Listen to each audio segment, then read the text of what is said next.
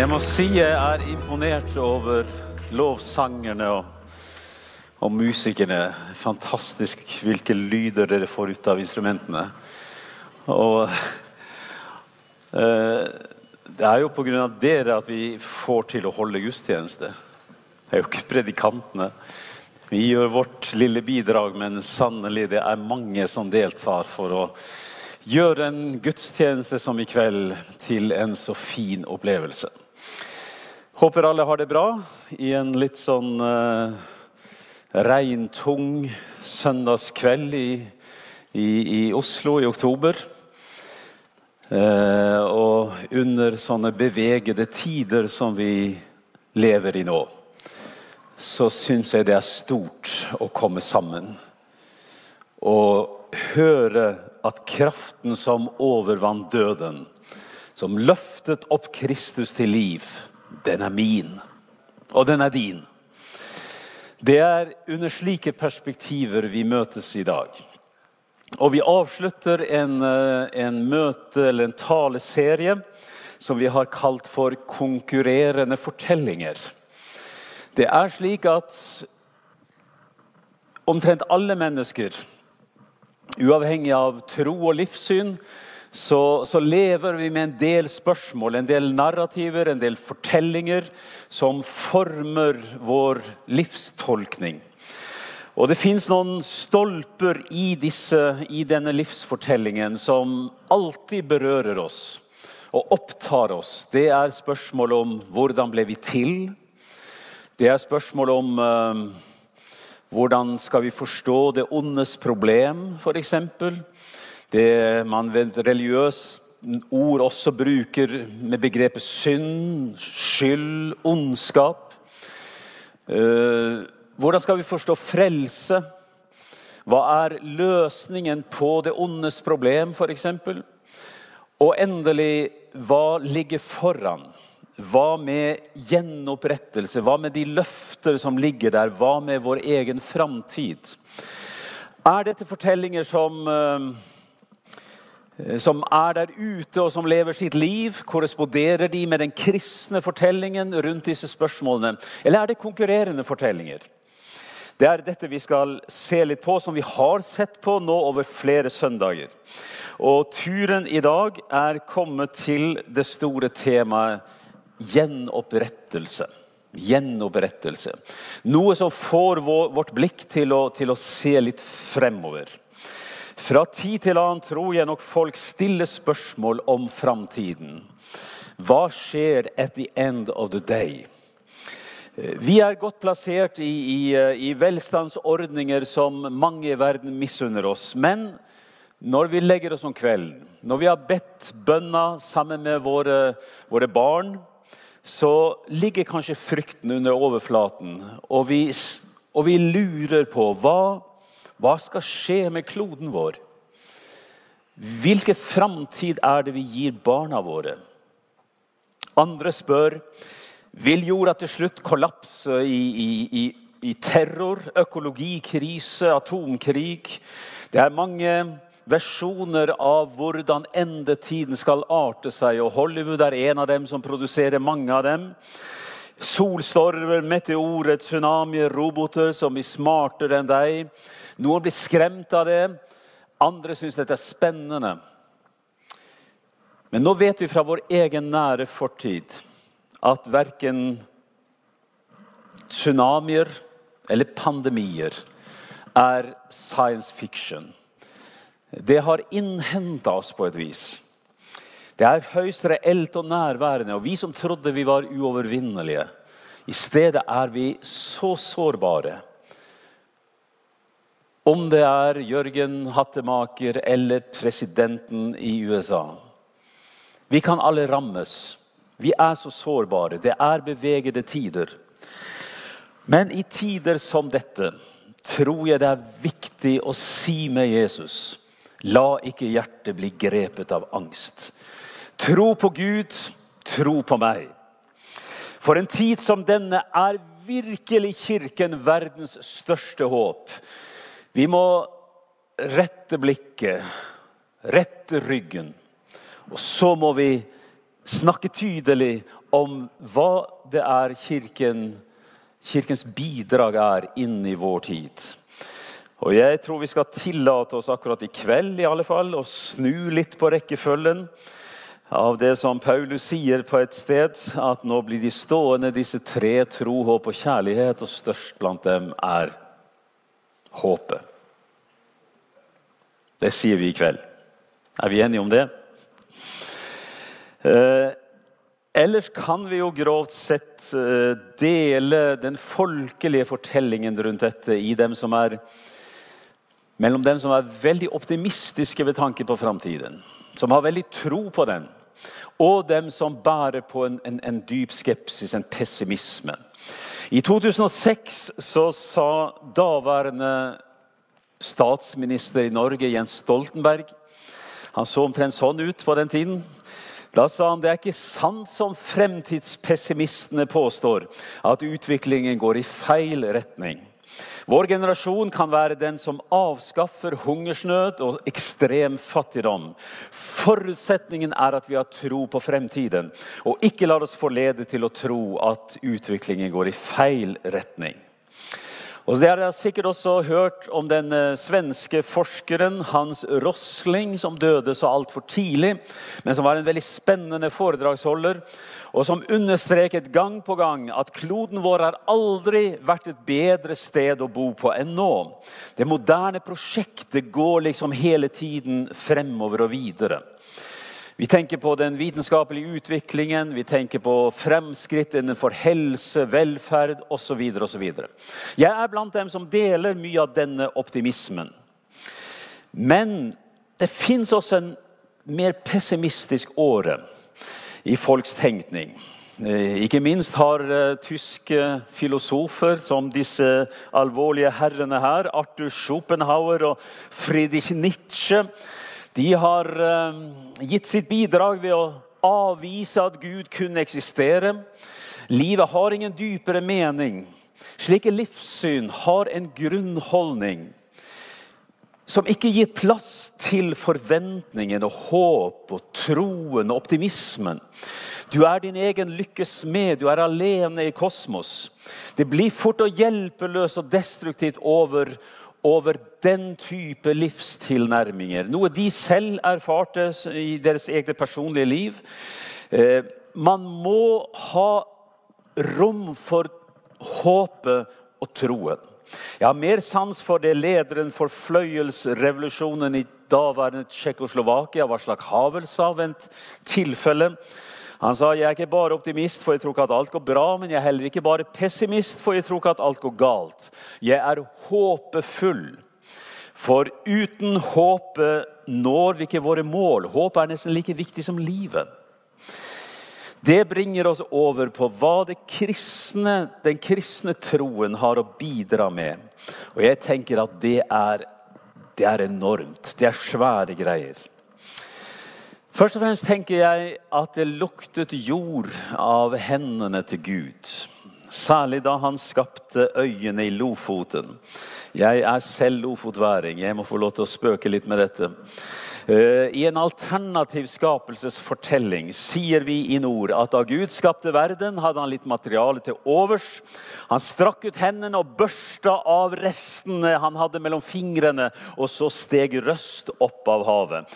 300-400 øyer, holmer og skjær. Det er en fortelling som ikke står i Bibelen, så du får ta den for det det er. Men den hebraiske bibelen starter på en sånn fin måte. Bereshit bara Elohim. Et shamayem vahet heretz. I begynnelsen skapte Gud himmelen og jorden. Det fikk kirkefedrene til å formulere en sånn vakker bekjennelse. Jeg tror på Gud Fader, den allmektige, himmelens og jordens skaper. Jeg tenker at luktene, smakene, fargene, årstidene Livet som bryter fram i april. Alt dette minner meg om Guds trofasthet og Guds fantastiske skaperverk. Den bibelske beskrivelsen av Gud er at Gud er pantokrator. Han er den allmektige. Han er skaperguden, allherskeren. Og Denne bekjennelsen var så viktig for ei ung kirke. Fordi det var så mange som sa det motsatte. Den materielle verden er ikke skapt. Hele verden ligger i det onde. Den er et fengsel. Det ga ikke plass for det kristne håpet. Og Jeg har jo hørt en slags variant innenfor vekkelseskristendommen også rundt dette. Eh, mange kristne tenker omtrent sånn at det gjelder å holde ut i denne jammerdalen. Og i stedet be om Jesu gjenkomst, så får det gå som det går med denne verden. Den ligger jo uansett i det onde. Dette er en litt fatalistisk måte å tenke på. Jeg tror på Jesu gjenkomst og ber om det. Men det kristne håpet sier at verden fremdeles er Guds verden. Gud har ikke abdisert fra trona si. Verden er fortsatt stedet der Gud bor med sin ånd og med sitt nærvær. Det er jo det som gir mening for at vi kan holde gudstjeneste. Kan du av og til kjenne på denne følelsen av å tilhøre en sånn stor kosmisk sammenheng? Jeg kjenner på det. Jeg blir nesten sånn overmanna av en dyp takknemlighetsfølelse som springer fram fra det enkle faktum at det viktigste i livet mitt kan ikke jeg kjøpe for penger. Tidligere i ettermiddag lå jeg på kjøkkengulvet og lekte med vårt yngste barnebarn, Jonathan. Han eh, var alvorlig syk, to-tre måneder gammel. Nå er han tre år og er vårt store familiemirakel. Og jeg tenker Hva mer trenger jeg å oppleve og se? Før var jeg litt mer sånn opptatt av det ekstraordinære. Nå er jeg det ikke lenger, for jeg ser Gud midt i det vanlige livet. Og Bibelen sier at Gud bor ikke i templer som er reist av menneskehender. Han er jo ikke langt borte fra en eneste en av oss. Det er i ham vi lever, beveger oss og er til. Jeg har tatt bolig i den største opplevelsen av dem alle. Opplevelsen av å være tatt hånd om, skapt og elsket av himmelens og jordens skaper. Jeg er frelst av pur nåde. Hva mer kan jeg forlange? Det har gitt meg en tro med hvilepuls og, en, og, et, og, en, et, et, og, et, liv med overskudd. For meg peker det i retning av det store kristne håpet. Det flyr en håpsdue gjennom verden i dag. Da jeg var yngre, så sang vi en sang som eh, Arnold Børud hadde satt norsk tekst til. Min Jesus lever, derfor vil jeg leve. Men jeg syns den engelske versjonen er så vakker. Because he lives, I can face tomorrow. Og Det gir oss et innsteg i det som har med, med, med, med hvordan Gud skal gjenskape, og gjenoppbygge og gjenopprette. Jeg ser dette i to perspektiver. For det første så tenker jeg at Gud har ikke sluttet med å skape. Det er det viktigste perspektivet vi antagelig trenger å ha, ha i tankene nå. Eh, Gud driver sitt kontinuerlige, gjenopprettende virke i verden fremdeles. Gud har aldri sluttet med å skape. Skapelse skrives i presens, i nåtid. Den hellige ånd stimulerer alle krefter som vil ta vare på jorda som den kostelige skatten er. Gud driver hele tida og bygger opp igjen det vi ødelegger. Gud driver og helbreder det som har gått i stykker. Derfor sier Bibelen du sender din ånd, og de blir skapt. Du fornyer jordas overflate. Jeg vet ikke om du har tenkt sånn om Helligånden. Men for meg fremstår Guds ånd som den store, fornybare energien som kontinuerlig gjør jorda ny. Gud er den store beskytteren av ei sårbar klode. Kona mi eh, har flere ganger i løpet av det siste året sagt at hun har gjenoppdaget trærne på nytt igjen. Det er en litt underlig formulering. Jeg har ikke sett trær før. Jo, men det er noe med skjønnheten og kraften og, og hvor vakre de er. En nydelig grønn farge når vi går i Frognerparken. Og hun kjenner på en sånn takknemlighet og glede. Hva, hva er det Davidssalmene sier til oss når vi skal tenke på Guds storhet? Så sier David da skal du løfte øynene dine opp til fjellene. Så skal du tenke hvor kommer hjelpen din fra. Du skal se på det Gud har skapt, og det skal gi deg tillit til Gud. Jeg syns det er en fin tanke at Gud holder hele verden i sin hånd. Ellers ville for jorda for lengst ha gått av hengslene. Men faktisk er den i dag et bedre sted å bo på for stadig flere mennesker. Jeg tenker Det er takket være Guds gjenopprettende virke i verden. Men på hvilken måte skjer det, spør du kanskje. Og mitt svar er at Gud kontinuerlig driver en form for gjenopprettelse gjennom skaperverkets egen lovmessighet årssyklusene, alt som verner liv og klima. Gud får oss til å elske litt mer, bry oss om hverandre litt mer. Sånn begrenser Gud ondskap, urett og hat.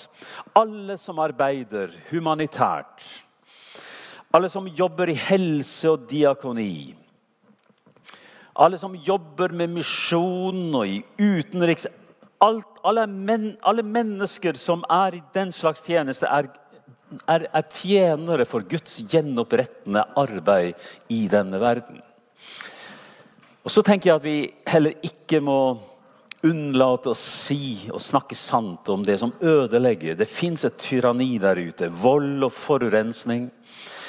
Trafficking, barnearbeid. De gamle profetene talte tydelig mot alle former for, for, for undertrykkelse. De slåss mot urett makten i samfunnet. Mot at noen ble utbyttet av andre. De refset den som tråkket ned småkorsfolkene. De sloss for de minst formuende. Black Lives Matter-demonstrantene er på et vis vår tids profeter når de slåss mot uretten i eh, dagens samfunn uretten mellom sorte og hvite, mellom de privilegerte og de som må slåss for hverdagen sin. Kirkelige fellesskap er ikke forbeholdt de som surfer på medvindsbølgene. Kirken er feltsykehuset for ei såra menneskehet. Så tenker vi at vi også må snakke litt om de som sliter med å gjenvinne håpet, også blant kristne. Jeg har møtt såpass mange at jeg må si akkurat det jeg nå skal si. De, tilhør, de, tilhørte et miljø som var lidenskapelig opptatt av raske vekstkurver. De trodde på de store ordene fra offensive kristne ledere. De ble karismatiske framtidsoptimismer som så for seg raske seire i Guds navn. Men så gikk det ikke sånn så måtte de bearbeide veldig mange skuffelser. Ting skjedde, fasadene brast. Og kanskje glemte de hva Jesus sier i Lukas 14, at når du bygger en grunnmur, så skal du sørge for å kunne fullføre tårnet du er i ferd med å bygge. Ellers vil folk se det, og så vil de, vil de gjøre narr av oss. I dag begynner dette å bli et problem for det i deler av kristenheten. Derfor er det er det viktig å si at når vi har friske visjoner, som vi skal ha, så skal vi også ha gjennomføringskraft og nødvendig realisme.